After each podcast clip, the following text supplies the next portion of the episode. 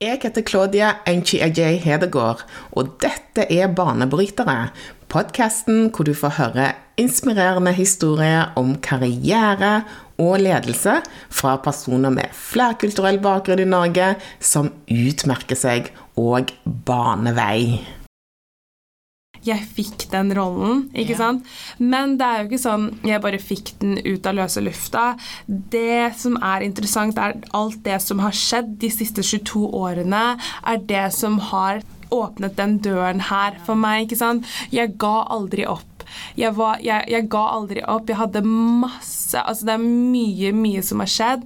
Og jeg ga ikke opp, og jeg fortsatte.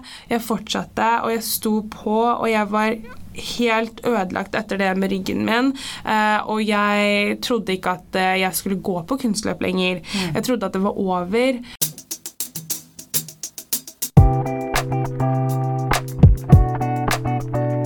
Ukas gjest og one to watch er Louisa Warwin. En imponerende og banebrytende toppidrettsutøver innen kunstløp. Hun ble headhunta av selveste Disney til å delta på Disney on Ice-turneen i USA. Og hun har i ettertid kapra den gjeve rollen som Principal Princess Tiana i Disney on Ice for Europa-turneen. Hun er òg en kunstløpetrener og coach ved Oslo idrettslag, og en fiolinist. Hun har drevet med kunstløp i 23 år og konkurrert internasjonalt som seniorløper de siste 11 årene. Hun har deltatt i junior- og senior-NM og har bl.a. vunnet gullmedalje i regionalt kunstløp og bronsemedalje i Rusjevik International Games. Louisa hun brenner for å gjøre kunstløp mer mangfoldig og tilgjengelig for alle, og hun har studert medisin og har en bachelor innenfor statsvitenskap og historie fra USA.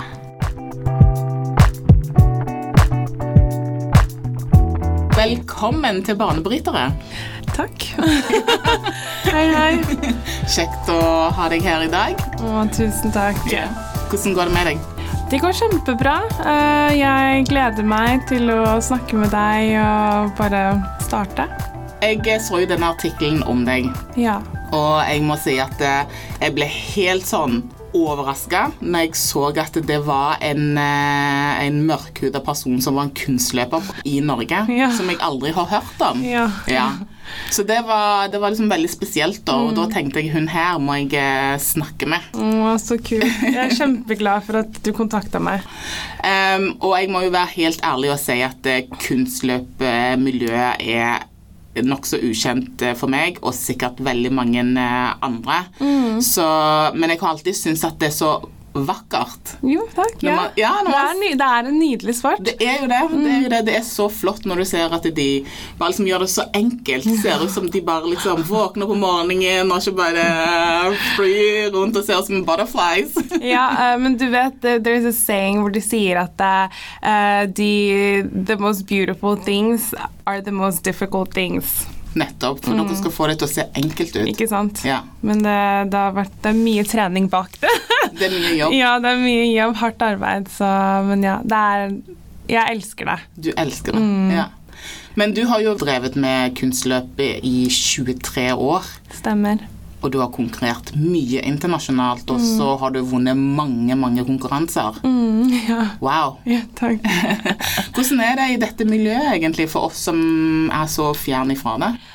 Det er, eh, det er på en måte en sånn nisjesport, ikke sant. Så det er veldig fint at vi snakker om det nå, og jeg vil gjerne at flere folk vet mer om kunstløp. Men miljøet er jo altså Det er en vanskelig sport i og med at det tar veldig mye for å bli en toppidrettsutøver i kunstløp. Um, det tar mye fra familien, det tar mye med skole, fordi da må man begynne å trene, man må trene veldig mye for å nå et nivå. Um, så når jeg først starta, så var det jo sånn Ja, jeg trente vanlige timer og sånne type ting.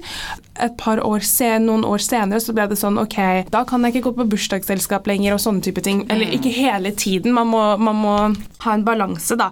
Man får jo ikke gjort alt. Så derfor uh, så ble det veldig sånn at jeg måtte velge, da. Vil, er dette noe jeg vil satse på, eller er dette noe som jeg bare vil ha som en hobby? Eh, og så fort så fant jeg ut at dette var noe jeg elsket så mye at jeg vil fortsette med det. Når jeg vokste opp, så drev jeg med Altså, jeg gikk på masse forskjellige sporter. Jeg spiller jo fortsatt fiolin, men jeg spilte gitar, jeg spilte piano og jeg spilte fiolin. Så når jeg ble nesten sånn, jeg tror jeg, når jeg var åtte eller noe, så måtte jeg slutte, og da bare satsa jeg på fiolin, og så ble det bare kunstløp. Eh, men jeg har også en bakgrunn i ballett, som jeg startet med jeg tror jeg var to-tre år gammel, på Bårdar danseskole. Så um, Men ja, altså miljøet sånn jeg ble eldre i kunstløp, det er veldig konkurranse man må ha konkurranseinstinkt. Um, det er jo dommere. Når jeg gikk, så hadde vi 6.0 judging system. Nå har vi IJS. Som Hva det betyr for noe? ja. For oss som ikke er inni dette her. Ja. Jo, um, 6.0 er jo det som når man ser i OL sånn 92, 94 og 2000 og sånn, så hadde de hvor de var um, Dommerne hadde da at de kunne f.eks.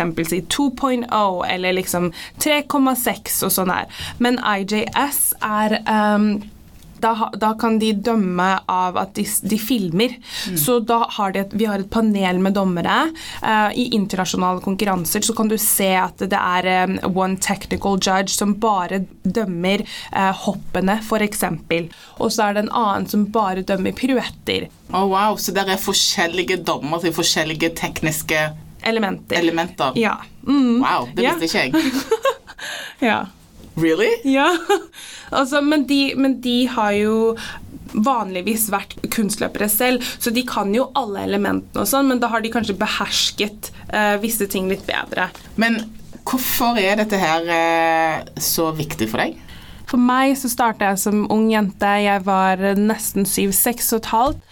Moren min hadde sett en mørk kunstløper fra Frankrike på TV-en. Og da var hun sånn Å, hvis jeg har en datter, så vil jeg gjerne at hun skal gå på kunstløp.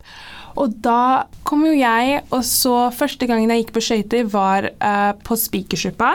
Det snødde. Jeg glemmer aldri den dagen. Uansett hvor jeg går i verden, uansett hvor jeg konkurrerer, så husker jeg alltid den dagen. Det snødde, det var musikk, det var masse folk ute. Jeg var der med storebroren min, og jeg koste meg så mye. Jeg ville ikke gå av isen. Og det var en sånn følelse jeg fikk inni meg hvor jeg bare følte meg fri, og snøen falt på ansiktet mitt, og jeg, jeg gjorde litt noen små piruetter, og jeg hadde jo aldri hatt timer eller noe sånn der før, men det var, bare, det var bare så koselig. Og den følelsen der, det er noe som sitter med meg uansett hvor mye eldre jeg blir, eller uansett hva som skjer i livet. Det er bare at jeg nyter å gå på skøyter, og det er det jeg tror som driver meg, som har hjulpet meg gjennom livet. Men uh, det, det, ser jo ut som ting har gått litt sånn på skinner, har det ikke det? Eller, eller har du møtt noen utfordringer underveis? Åh, masse utfordringer. Så eksempel det med skader, det med også når man f.eks. ikke gjør det bra på konkurranser, eller når man prøver å beherske et hopp, for det er eh, Vi har forskjellige hopp i kunstløp. Så f.eks. aksel eller salkov, tårlup og sånne type ting. Så vi har enkle hopp, og så har vi doble hopp, og så er det triple, og så er det quads. Så når man er yngre, så lærer man jo disse forskjellige hoppene. Uh, og da f.eks. hvis man lærer en dobbel slynge, og du faller, og så må du komme deg opp igjen, og så må du prøve igjen og igjen og igjen til du greier det. Og da kan man fort bli veldig sånn Man kan gi opp det. Jeg hadde en fransk trener, Susanne Bonali.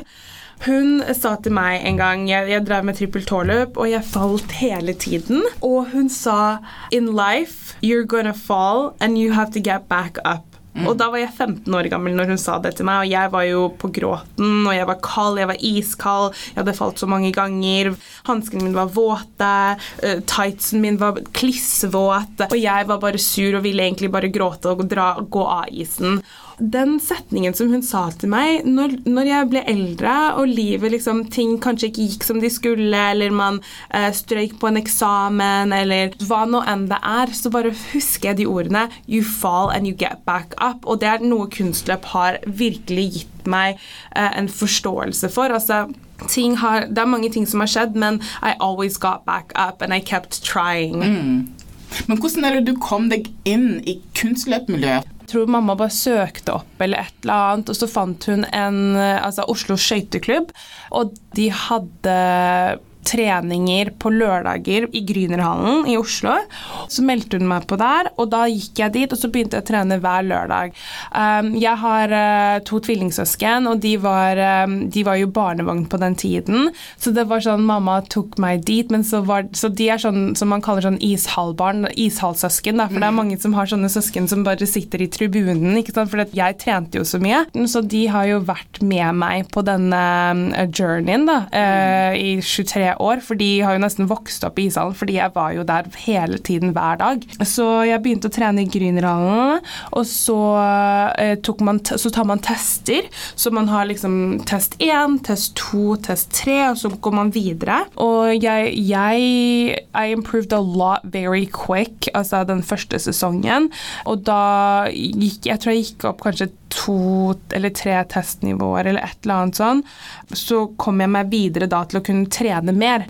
Da var det jo det med at eh, ok, jeg går på skole, hvordan skal jeg komme meg til ishallen? Fordi mamma og moren min er sykepleier, uh, så det var jo mye som måtte til. Jeg hadde en uh, nanny, sånn at det faktisk skulle gå for seg.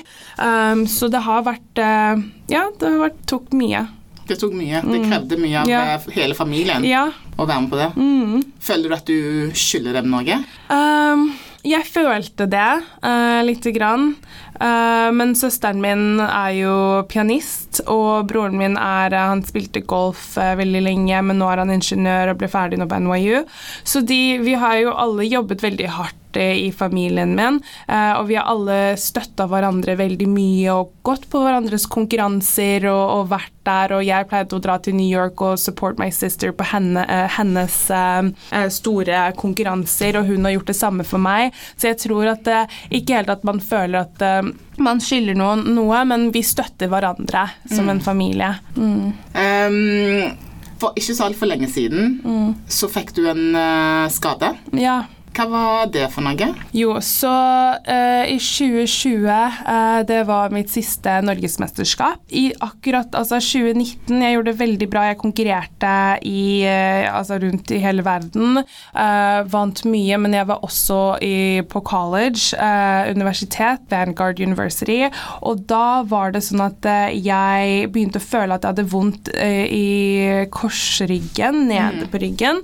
Men jeg fortsatte å trene. og jeg hadde jo alle disse målene som jeg ville nå. Jeg, begynte, jeg gjorde det jo veldig bra, så da vil man på en måte ikke høre på kroppen når kroppen sier 'du, jeg har vondt', ikke sant. Og det er noe som er veldig farlig, og jeg anbefaler at alle hører på kroppen sin når den sier 'stopp' eller den sier 'jeg har vondt'. Jeg dro til NM, eh, ikke det beste løpet jeg hadde. Jeg hadde jo den skaden, og jeg fikk da MRI når jeg dro tilbake til eh, California, hvor jeg trener, og treningsanlegget der hvor jeg trente i var. Eh, når jeg var der, så når jeg fikk den MRI-en, så fikk jeg beskjed om at ok, du har prolaps i ryggen. Det er derfor du har vondt hele tiden. Uh, dette er noe jeg må bearbeide med fysioterapi, um, og det er ikke noe som går bort, på en måte, da. Mm. Så det er noe jeg har nå, men, men jobber med hele tiden aktivt. Men det var jo totalt nedtur for meg. Jeg var så lei meg. Jeg følte at alt jeg hadde jobbet for, bare Altså, det var over, liksom.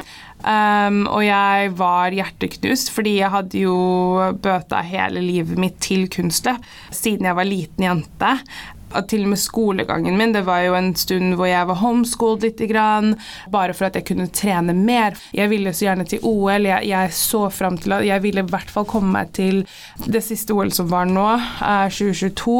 Eh, også pga. korona. Altså, alt ble jo så mye vanskeligere. Men, men jeg tror altså, alt skjer for en grunn. Jeg kunne ikke se det da, fordi jeg var så fiksert på at dette her vil jeg, det skal gå sånn her. Men you don't get to always choose. Yeah. Så, så jeg eh, Så ja, det var noe av det verste som hadde skjedd i, i kunstløpkarrieren min yeah. for meg. Eller det var det jeg følte på den tiden. Yeah. Men hvordan, hvordan, håndterte du den, eh, den, perioden? Jeg ble faktisk veldig deprimert. Jeg var lei meg. Eh, jeg bodde jo i USA, måtte flytte, satte alle tingene mine på lagerrom, måtte komme hjem. Følte at jeg måtte starte livet mitt på nytt igjen. Da, hva gjør jeg nå? Men jeg var jo glad for at jeg hadde gått på skole og har eh, bachelorgraden mine, men det var jo liksom Hva gjør jeg nå? Um, er jeg ferdig? Skal jeg ta mastergraden min? Nå skal jeg glemme kunstløp? Er jeg ferdig som kunstløper? Dette var jo det eneste jeg visste, nesten, på en måte. Mm. Og så er det jo dette her med kunstløp, og så er det alder. Så i, i konkurranser, når man konkurrerer og sånn, så er det veldig sånn derre oh, Det er fort sånn derre OK, well, like you're 25, like, eller du er 26 nå, så jeg vet liksom ikke helt om uh, du begynner å bli for gammel, eller sånne type ting. Sånn konkurransedyktighet og sånn. Uh, men jeg var jo på mitt beste, I, og jeg gjorde det veldig bra, så jeg visste at jeg kunne fortsatt nå målene mine, og det er jo mange som har greid på den alderen og, og å nå så høye nivåer i kunstløp. Så for meg så var det egentlig bare jeg var klar for å kjøre på, men det var visst ikke planen, for det, mm. det gikk ikke. Hvordan eh, kom du deg på beina igjen? Hvordan reiste du deg jo, fra mørket? Jo, ikke sant. Um, så jeg begynte å Jeg ble trener uh, i Oslo idrettslag. Jeg tror det var faktisk et stort lys for meg, fordi da fikk jeg masse elever, og, og, og kunne gi tilbake når jeg har hatt noen av de dyktigste trenerne i hele verden. Uh, når jeg var ti år gammel, så trente jeg i California på Lake, i Lake Arrowhead, um, og jeg hadde Ra Rafaela Rutinian som trener. Han er russ klasser, og det var jo alle ville trene på det trening, treningsanlegget. Det var oppe i Lake Arrowhead på fjellet. Pga. den høye altituden så var det et uh, veldig um, ettertraktet treningssted. Uh, fordi du får bedre kondis av å trene der oppe, og da når du går ned, så konkurrerer du jo så mye bedre. Um, så vi trente der oppe jeg, jeg, trente med japanske løpere, kinesiske løpere, mange forskjellige typer uh, folk fra forskjellige bakgrunner. Så jeg har blitt typ exposed til, til mange forskjellige kulturer mens mm. jeg vokste opp. Um, og jeg tror at det har fått meg til å kunne se på ting litt annerledes da. Men tilbake til det jeg sa. De elevene som jeg hadde nå, som jeg fikk i 2020 når jeg var med Oslo idrettslag um, Jeg var trener på isen, jeg var trener Jeg er også sånn stretch coach, og jeg gjorde ballettimer med dem, og, og forskjellige typer danser. Um, og det, det, viste seg sånn at ja, alt det jeg hadde lært alle de årene, det var ikke for ingenting for det om jeg selv ikke konkurrerte akkurat da. Jeg så så stor framgang med de elevene mine, og jeg er så glad i alle alle sammen. Eh, og de blir så glade når jeg kommer og hjelper dem og, og gir dem eh, tilbakemeldinger, og, og, når man ser fremgang. Um, Hvor gamle er de, da? Eh, noen av, så jeg har nybegynnere, og så har jeg aspiranter og oppvisningsbarn, og de er fra åtte år til hele veien opp til tolv år. Og så har jeg også de eldre, eller de litt større løperne, som er fra 13 til 18. Uh, og så har jeg også voksenløpere, uh, så kunstløp er ikke bare for barn. det er uh, Vi har voksenløpere, og det, i USA så er det veldig stort faktisk for voksenløpere, og det har ikke alltid vært så stort i Norge.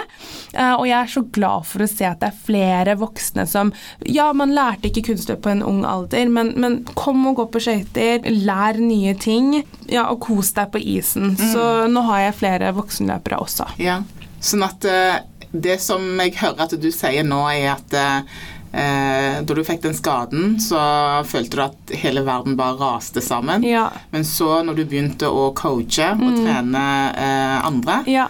Og bruke alt det du har lært fra de aller beste gjennom mange, mange år, mm. så ga du tilbake. Ja.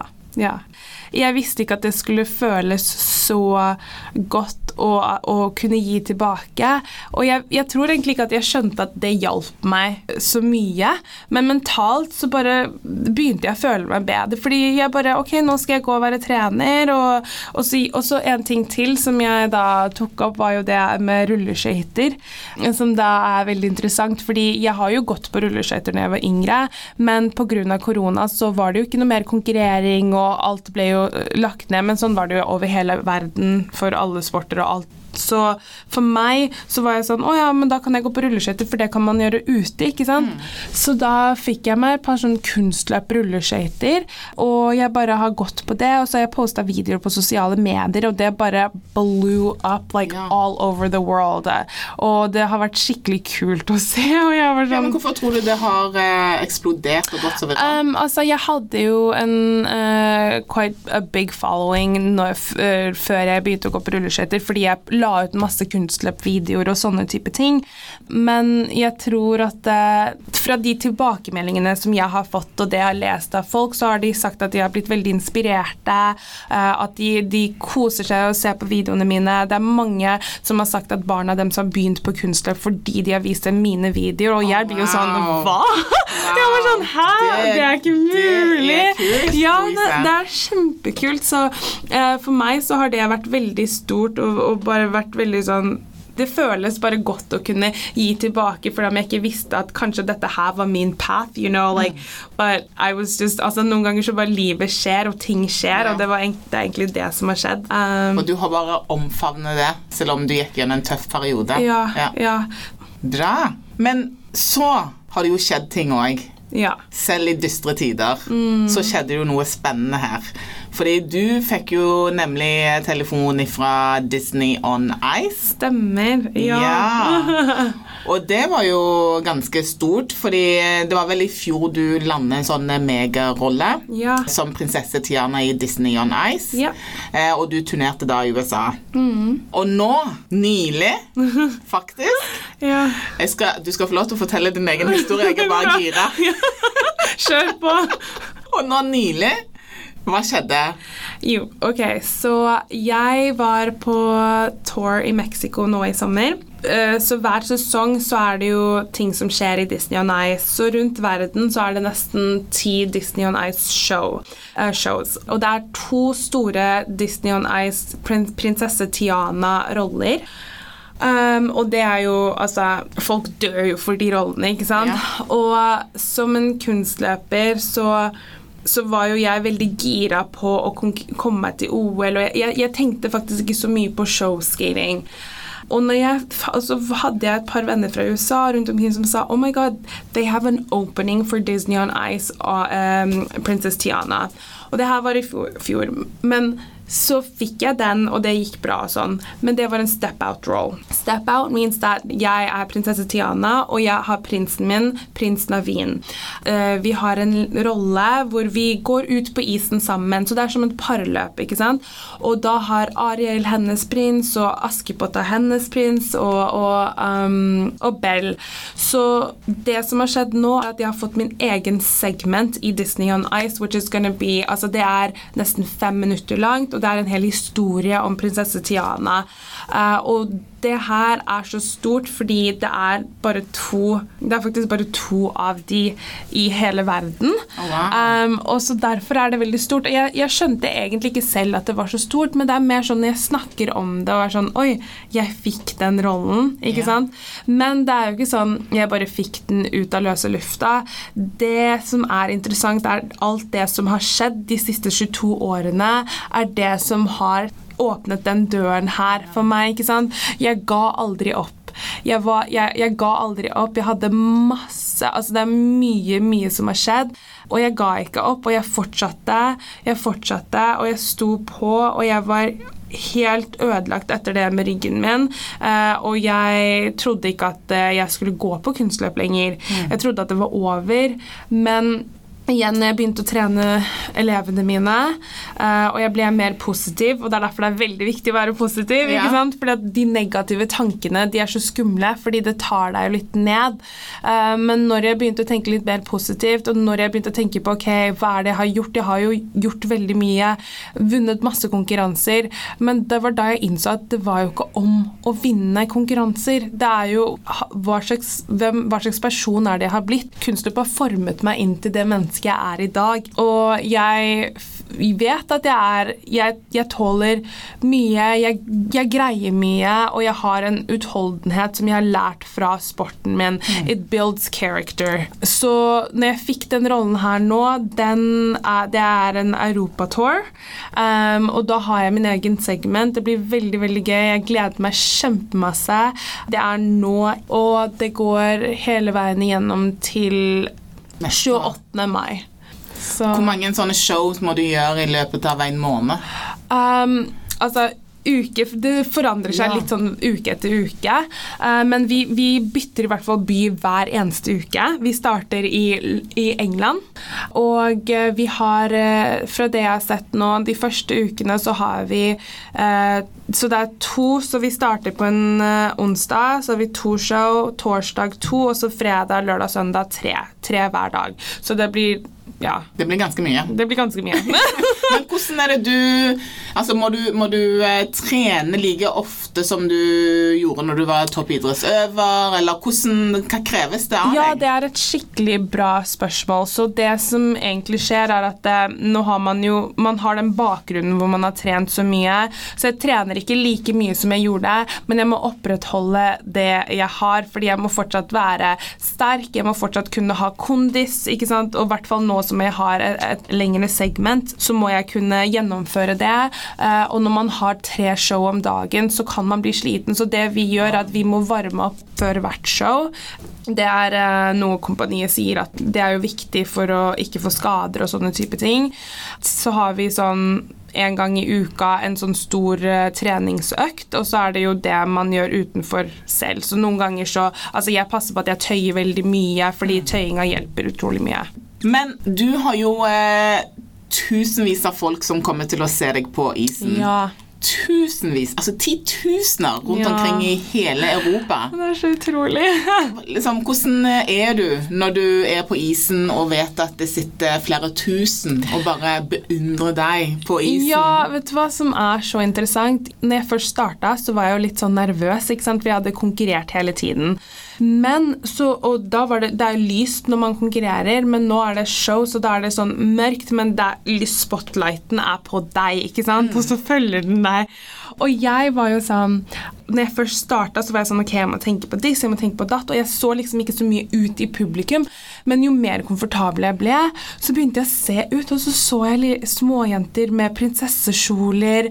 Noen av dem hadde på prinsesse Tiana-kjoler, og de hadde en frosk med seg. Det er jo prinsen min, ja, ikke, sant? ikke sant? Som jeg kysser, og så blir han sånn Ja, frosken! Og så begynte jeg å si Oh my goodness, se på dem! De. Og så så jeg små Askepott og Elsa, og det var liksom sånn De har, de har kledd på seg som prinsesser, og de tror virkelig at jeg er prinsesse Tiana. Jeg er jo det altså Når jeg går ut der, you know, get in character og vær den personen. Men det er så utrolig kult, og det er så hjertevarmende. Eh, så jo da, det Hvordan føler jeg? Altså, jeg, jeg vet ikke. Det er en uh, ubeskrivelig følelse, for å være ærlig. Er du stolt av deg sjøl? Må de og familien er stolt ja, av deg? Ja, de er det. De er veldig stolt av meg. Og vet du hva jeg skal si? Jeg er stolt av meg selv for at jeg har uh, Du har klart det? Jeg har klart det. ja. ja. Sånn at det er bra at du ikke ga opp? Det er veldig bra. Ikke gi opp. Aldri Altså, noen ganger Jo, men det er interessant du sier at jeg ikke ga opp, men på en måte så måtte jeg gi slipp for at denne nye døren skulle åpne. Så hvis det virkelig ikke går, så må man også vite når man skal greie å gi slipp på noe. For da Something new will open up for you. Den er fin. Og så Det som er interessant nå er med at jeg fikk den europatåren her, det er at eh, når jeg var åtte år gammel, så tok stefaren min meg og mine søsken til Disney on Ice i Oslo Spektrum. Det var første gangen jeg så Disney on Ice, og jeg elsket det. Og det var sånn Å, vi ser på Disney, men de er på isen, ikke sant? Og det var sånn, Jeg husker 'Skjønnheten og udyret'. Og nå uh, i januar så kommer jeg selv til Oslo Spektrum, så det er liksom helt sykt. The circle. Ja, the yeah. circle of life! circle of life. Like. Så jeg bare lurer på hvordan det kommer til å føles for meg uh, når jeg er på isen. Jeg, jeg, bare vet liksom ikke hva, hva kommer jeg til å føle da. Så uh, ja. Det blir spennende. Mm. Gratulerer masse. masse. Dette her er jo kjempestort. Ja. Ja, Takk. Tusen takk. Well Tusen done. takk. Men du må jo være et kjempeforbilde for veldig mange, liksom som du var inne på tidligere. Det må jo være så mange, eh, spesielt folk som er sånn eh, dark skin eller brown skin, Ja, som ja. bare tenker wow, jeg òg kan bli prinsesse Tiana på. Disney on Ice. Absolutt. Um, da når jeg begynte å legge ut disse videoene eh, på TikTok i 2020, så begynte jeg for, Det var på isen, da. Og så var det sånn I've never seen a black figure skater before. Eh, dette er helt utrolig. Jeg visste ikke at folk som så ut som meg, gikk på skøyter. Var det masse kommentarer jeg fikk, og for meg så var jo det rart, fordi jeg kjenner jo bare kunstløp. Kunstløp er jo det eneste jeg vet om. ikke sant? Det er liksom That's my life. Jeg, jeg tenker jo ikke på det på den måten, fordi jeg er så vant til å være en kunstløper. Men jeg kan se for meg at eh, hvis man da aldri har sett hvis du alltid ser på kunstløp når du skrur på TV-en og du bare ser Du aldri ser noen som kanskje ser ut som deg, så tenker du bare å ja, men kanskje det ikke er noe ikke sant, Ja. som vi gjør, som jeg gjør, eller noe Ja, sånt. ikke sant? Eh, men når jeg fikk de tilbakemeldingene, og jeg var sånn For jeg tenkte ikke over det. Jeg bare posta fordi jeg elsker å gå på skøyter, og her er en video til som jeg liker. Men at det var så stort for mange, det, det var veldig utrolig for meg. Og så tenker jeg også at eh, jeg kommer til å fortsette å gjøre det. Og jeg, nå som jeg er i Disney, så er det sånn at det viser også at ok, vi har prinsesse Tiana, og det er viktig at jeg også tar denne europatåren fordi jeg føler at vi trenger altså gjennom Europa også, for nå var jeg i USA, og da er det litt mer eh, med visse ting litt mer åpent og sånn, og jeg syns det er fint for Europa også å liksom vise at ok, we have Princess Tiana, like det er, det er en greie her også. Ja. Ja, jeg bare Jeg skal fortsette å stå på, og jeg syns at eh, Igjen, det er på en måte en nisjesport, så det er også derfor det blir litt vanskeligere. Fordi man ser jo flere uh, mørke i, i løping eller basketball eller sånne type ting. Og jeg husker at jeg pleide å bli så irritert, fordi noen ganger så skulle jeg på trening, og så var det, så var det Jeg hadde på meg sånn treningstights og sånn, og så var det alltid sånn derre Oh, do you run like track and field, or like do you play basketball? Og jeg var sånn Nei, jeg er kunstløper, liksom. Det var sånn No. Men folk bare tenker det automatisk. Det er litt sånn irriterende når det er sånn Ja, nei, jeg er kunstløper. Ja. Men uh, ja. Men uh, framover, ja. hva er det du vil eh, etter kunstløpkarrieren din? Uh, vet du hva? Etter karrieren min så vil jeg gjerne lage bane for at vi skal ha At kunstløp skal bli mer flerkulturelt i Norge. Jeg vil åpne en dør hvor ehm, hvor jeg ser mer farge på isen, men ikke bare det. Jeg vil at uh, f.eks. funksjonshemmede skal også kunne gå på kunstløp, og at vi skal um, lage, gjøre at det er trygt for de også å kunne gå på skøyter og nyte isen. Um, jeg vil at uh, jeg, jeg vil se mer, mer kultur på isen. Jeg vil se mer uh, Ja. That's, that's what I want. Ja, forskjellige folk i all Forskjellige form og farge. All form, all farge. Jeg vil at folk skal eh, At kunstjobb skal åpne seg litt mer i Norge, og jeg syns det er veldig viktig, fordi vi er jo en vintersportnasjon, men siden Sonja Hennie så har vi egentlig ikke hatt vi har ikke dominert eh, på den måten, og jeg syns at vi skal åpne det mer. Og det er en veldig dyr sport. Jeg var veldig heldig som hadde en mor som Moren min hadde åpna to kiosker og en restaurant, ikke sant, og, og kjørte på, jobba så hardt hele tiden. Men det er jo ikke alle som kommer til å kunne gjøre det. Som kommer til å, alle foreldre som kommer til å, å ha den. Moren min er nigeriansk, and she is a powerhouse, and she like Like when she wants to do something, like she will do it. Spesielt for barna hennes. Uh, og, og alle foreldre er jo sånn, men jeg sier at hvorfor ikke make it more accessible for alle? Ikke sant? Og det er ikke bare for folk med, med farge, men for alle etniske norske, alle sammen. La oss gjøre kunstløp litt mer At det er åpen tilgang. Yeah. Eh, til og med sånn at man har mer publikumstid for folk. ikke sant?